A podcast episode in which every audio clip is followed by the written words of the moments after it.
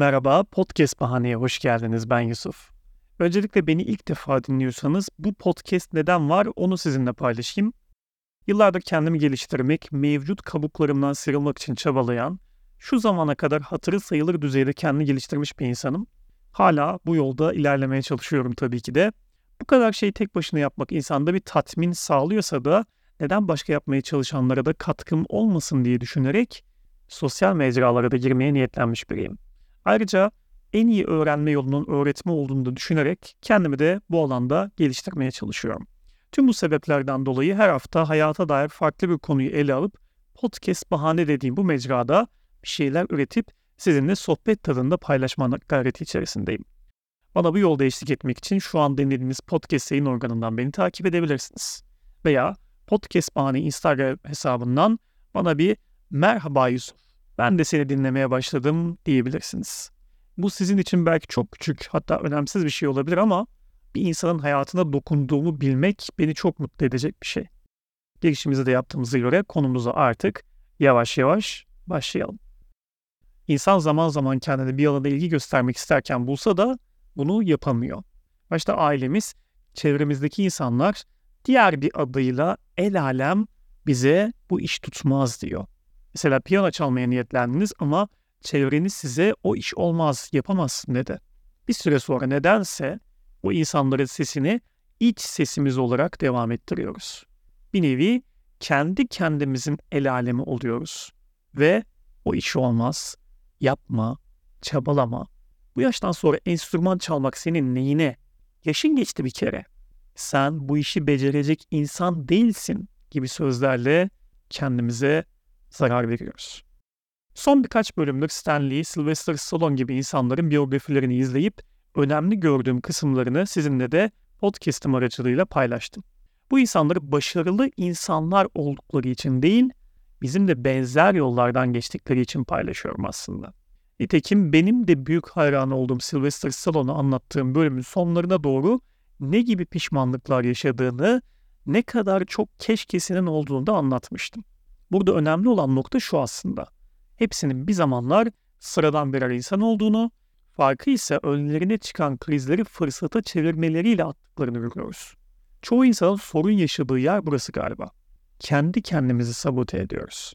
Bugün sizinle kendimizi nasıl sabote ettiğimizden, bundan nasıl kurtulabileceğimizden konuşacağız. Bunun için birkaç adımdan söz etmek istiyorum.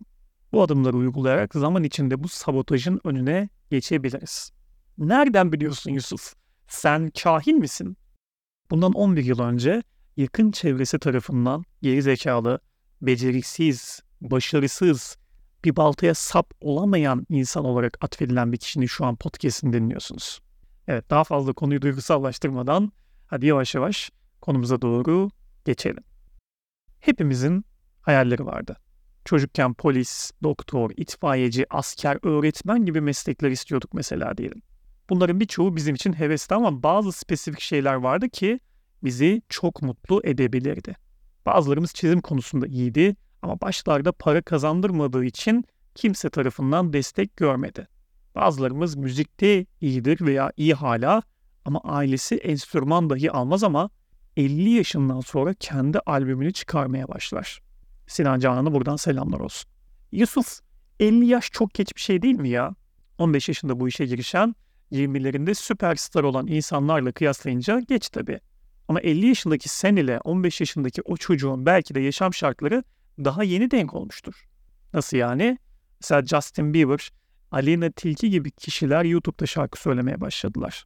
Bugün 50 yaşındaki biri 35 sene geriye döndüğünde YouTube'u geçtim, ülkemizde internet erişim bile yoktu.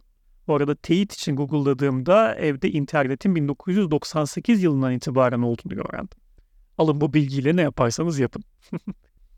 Öte yandan ne kadar uğraşırsak uğraşalım zamanı geriye alamıyoruz arkadaşlar. O zaman içinde bulunduğumuz durumu çaresizlikle devam ettirmek, hedeflerimizden, kurmak istediğimiz hayattan, yaşamak istediğimiz şeylerden uzak mı duralım? Mesela herkesin yaptığı gibi sevmediğimiz biriyle sırf başardı desinler diye evlenip bir ev, bir araba alıp ölümün bizi gelip bulmasını mı bekleyelim? Eğer buraya kadar dinlediyseniz zaten amacınız herkesin yaşadığı bu standart hayatın kalıplarının dışına bakıp kendimizi bulmak veya aramak diye varsayıyorum. Peki ama bu nasıl olacak? Bu konuya geçmeden önce şundan bahsetmek gerek. Bilim insanları günlük olarak yaptığımız şeylerin yaklaşık %5'ini bilinçli olarak yaptığımızı, geriye kalan %95'ini ise otomatikleşmiş davranışlar olarak gerçekleştirdiğimizi söylüyor. Mesela bu bölümü dinlerken ellerinizin ve ayaklarınızın hangi şekilde durduğuna dikkat etmenizi istiyorum. Acaba neden öyle duruyor? Bu sizin bir şeyler dinlerken yaptığınız otomatikleşmiş bir davranış olabilir mi acaba? Bunu düşünmeyi size bırakıyorum. Aslında baktığınızda insan türü olarak birbirimize çok fazla benzer davranışlar sergiliyoruz arkadaşlar. Hatta hayvansal kökeni de olduğu bilinen tehdit anında kaç, savaş veya don refleksleri vardır. Covid zamanı medeni olmasıyla anılan Avrupa'da marketten alışveriş yapabilmek için birbirini ezen insanları unutmamak gerek. Dolayısıyla hepimiz birbirimize genel olarak benzer davranışlar sergiliyoruz. Günlük olarak yaptıklarımızın çok büyük bir kısmı da zihnin otomatikleştirdiği birer davranıştan yani alışkanlıklardan ibaret. Evet, kendimizi sabote etmekten bahsediyorduk arkadaşlar. Başta da söyledim yani. İnsan öncelikle bir şeyler hayal ediyor ama çevresi ona o iş olmaz deyip duruyor. Sonra çevresi demese bile insan kendi kendine bunu söylemeye, kendini sabote etmeye başlıyor ve en nihayetinde hedeflerinden veya daha romantik bir söylemle hayallerinden vazgeçiyor. Fark ettiniz mi bilmem ama sorun aslında bu olumsuz yaklaşımın zamanla bizim alışkanlığımız haline alması. Ne demiştik? Şeyler hayal ettik, bir hedef koyduk. El alem bize sürekli bu iş olmaz dedi. Yıllar içinde o işin olmayacağını bize söyleyip durduklarından biz de bu işin olamayacağına inandık ve vazgeçtik. Bir dakika. Bizim vazgeçme sebebimiz el alemin bize sürekli olmaz demesi miydi? Bakın size Stanley'nin hayatından çok güzel bir örnek vereyim. Stanley bir gün Örümcek Adam karakterini tasarlıyor ve patronu Martin Goodman'a gidip bir çizgi romanda tanıtımını yapmak istediğini söylüyor. Martin diyor ki saçmalama Stan. Bir kere insanlar örümceklerden korkar. Bu bir ergen ve ergenden süper kahraman olmaz. Bir de üstünde üstlük sorunları olan bir süper kahraman mı? Stan, sen süper kahraman nedir bildiğine emin misin? Dürüst olalım. Stanley'nin yerinde olsaydık çoğumuz bu fikri rafa kaldırırdık. Çünkü bizim patronumuz bizim fikirlerimizi hayata geçirmekte bize destek olmasını en çok umduğumuz insan bunun çok saçma bir fikir olduğunu söylüyor. Hikayenin sonunda Örümcek Adam karakteri Amazing Fantasy isimli serinin son çizgi romanında tanıtılıyor. Satışlar patlayınca da patronu Stanley'e gelip şunları söylüyor. Hani ikimizin de sevdiği şu süper kahraman vardı ya Örümcek Adam karakteri. Onun için ayrı bir seri yapmanı istiyorum. Artık buraya yorumları siz kendiniz yaparsınız. Şimdi bu Stanley'nin yaşadığı bir şey. Çoğumuz bunun son raddesine gelmeden bırakıyoruz. Biri bize bir şey söyledikten sonra vazgeçiyoruz. Kendi içimizde de bunu kendimize zamanla söylemeye çalışıyoruz. Hatta aslında bir noktada kendi içimizde bir nevi bize zarar verecek, bizi olumsuza doğru çekecek bir insan var gibi hissediyoruz. Ama adam şunu fark etmiş. Ben bunu gerçekten de istiyor muyum? Bu fikir gerçekten de işe yarar mı? Yaparken eğlenecek miyim? Yapmazsam bundan ömür boyu pişman olacak mıyım? Bunun farkındalığına ulaşmış ve ona olumsuz şeyler söyleyen yetkili merceğin sözlerini bir kenara koyup yoluna devam etmiş. Sanırım bizi yapmaktan alıkoyan en önemli şey hedeflerimizi gerçekleştirmek için geçmemiz gereken yollardan geçmiş insanlardan habersiz olmamız. Biyografi bölümlerini aslında bir noktada bunun için paylaşıyorum arkadaşlar. Stanley örneğini konuyu uzatacağını bilmeme rağmen bundan dolayı paylaştım sizinle. Bilin, hiçbirimiz %100 aynı değiliz. Yine de çok büyük oranda benzer şeyleri yaşıyoruz. Stanley'e de o iş olmaz demişler. Ciddiye almamışlar. Sylvester Stallone'un yüzünde doğuştan felç var diye aktörlük için girdiği her seçmede red cevabı vermişler. Ama ikisi de gerçekten bir şeyleri yapmak istemiş ve o yolda engellerin sonunda olacakları hayal etmiş. Kendilerini orada görmek, en azından denemiş ve pişmanlık hissetmemiş olarak görmek istemişler. Ha bu her attığınız adıma devam edin. Mesela hoşlandığınız insan size pas vermiyor mu? Onu darlayın. Peşine düşün. Gerekirse sapıklık yapın. Sonunda elde edeceksiniz gibi bir mesaj mı içeriyor? Asla. Hedefleriniz kendi sınırlarınız ve başkalarının sınırları dahilinde yapılabilecek şeyler ise bunu uygulamanızda hiçbir sakınca yok. Farkında olmanız, olumsuz düşünceleri bir kenara koymanız ve sonrasında kendinizi orada görmeniz yapmış halde veya yapamamış ama en azından pişman olmamış halde görmek.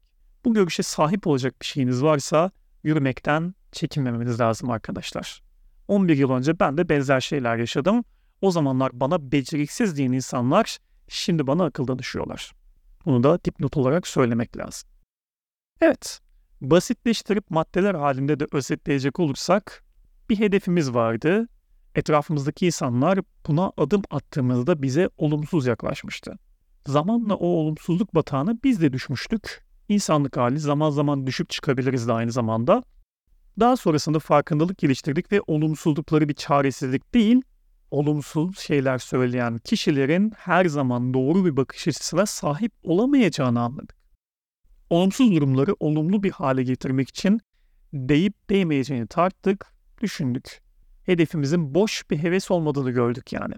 Daha sonra ne yapıyoruz? Kendimize olumlu, iyi bir şekilde yaklaşmaya başladık.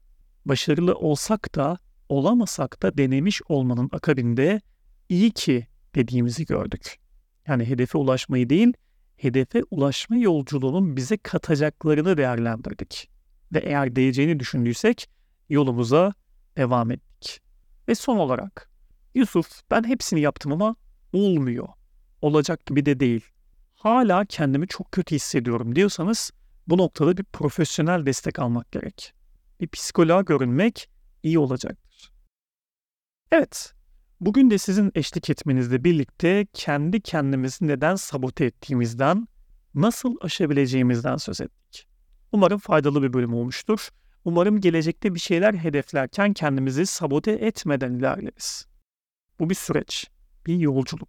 Bir anda bir bölüm dinledim, hayatım değişti diyemeyiz. Veya bir adım attım, hayatım değişti de diyemeyiz. Umarım hayatınızda kat etmek istediğiniz yollarda size destek olan bir bölüm olmuştur ve veya umarım olacaktır.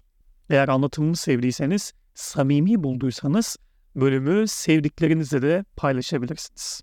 Bölüm hakkındaki fikirlerinizi, düşüncelerinizi Spotify üzerinden sesli mesaj, anket ve soru özelliği aracılığıyla veya Instagram'dan mesaj aracılığıyla bana iletebilirsiniz. Bu görüşleri sadece etkileşim kasmak adına değil, yaptığım şeylerin size dokunup dokunmayacağını görmek ve kendimi geliştirmek için de yapmanızı rica ediyorum. Bu yüzden eleştirilerinizi de iletmeniz benim için çok çok kıymetli, çok çok önemli. Evet, bugün de podcast'i bahane edip kendimizi sabote etmekten nasıl kurtulacağımıza odaklandık. Bir sonraki bölümde görüşmek üzere. Kendinize ve çevrenize çok çok iyi bakın.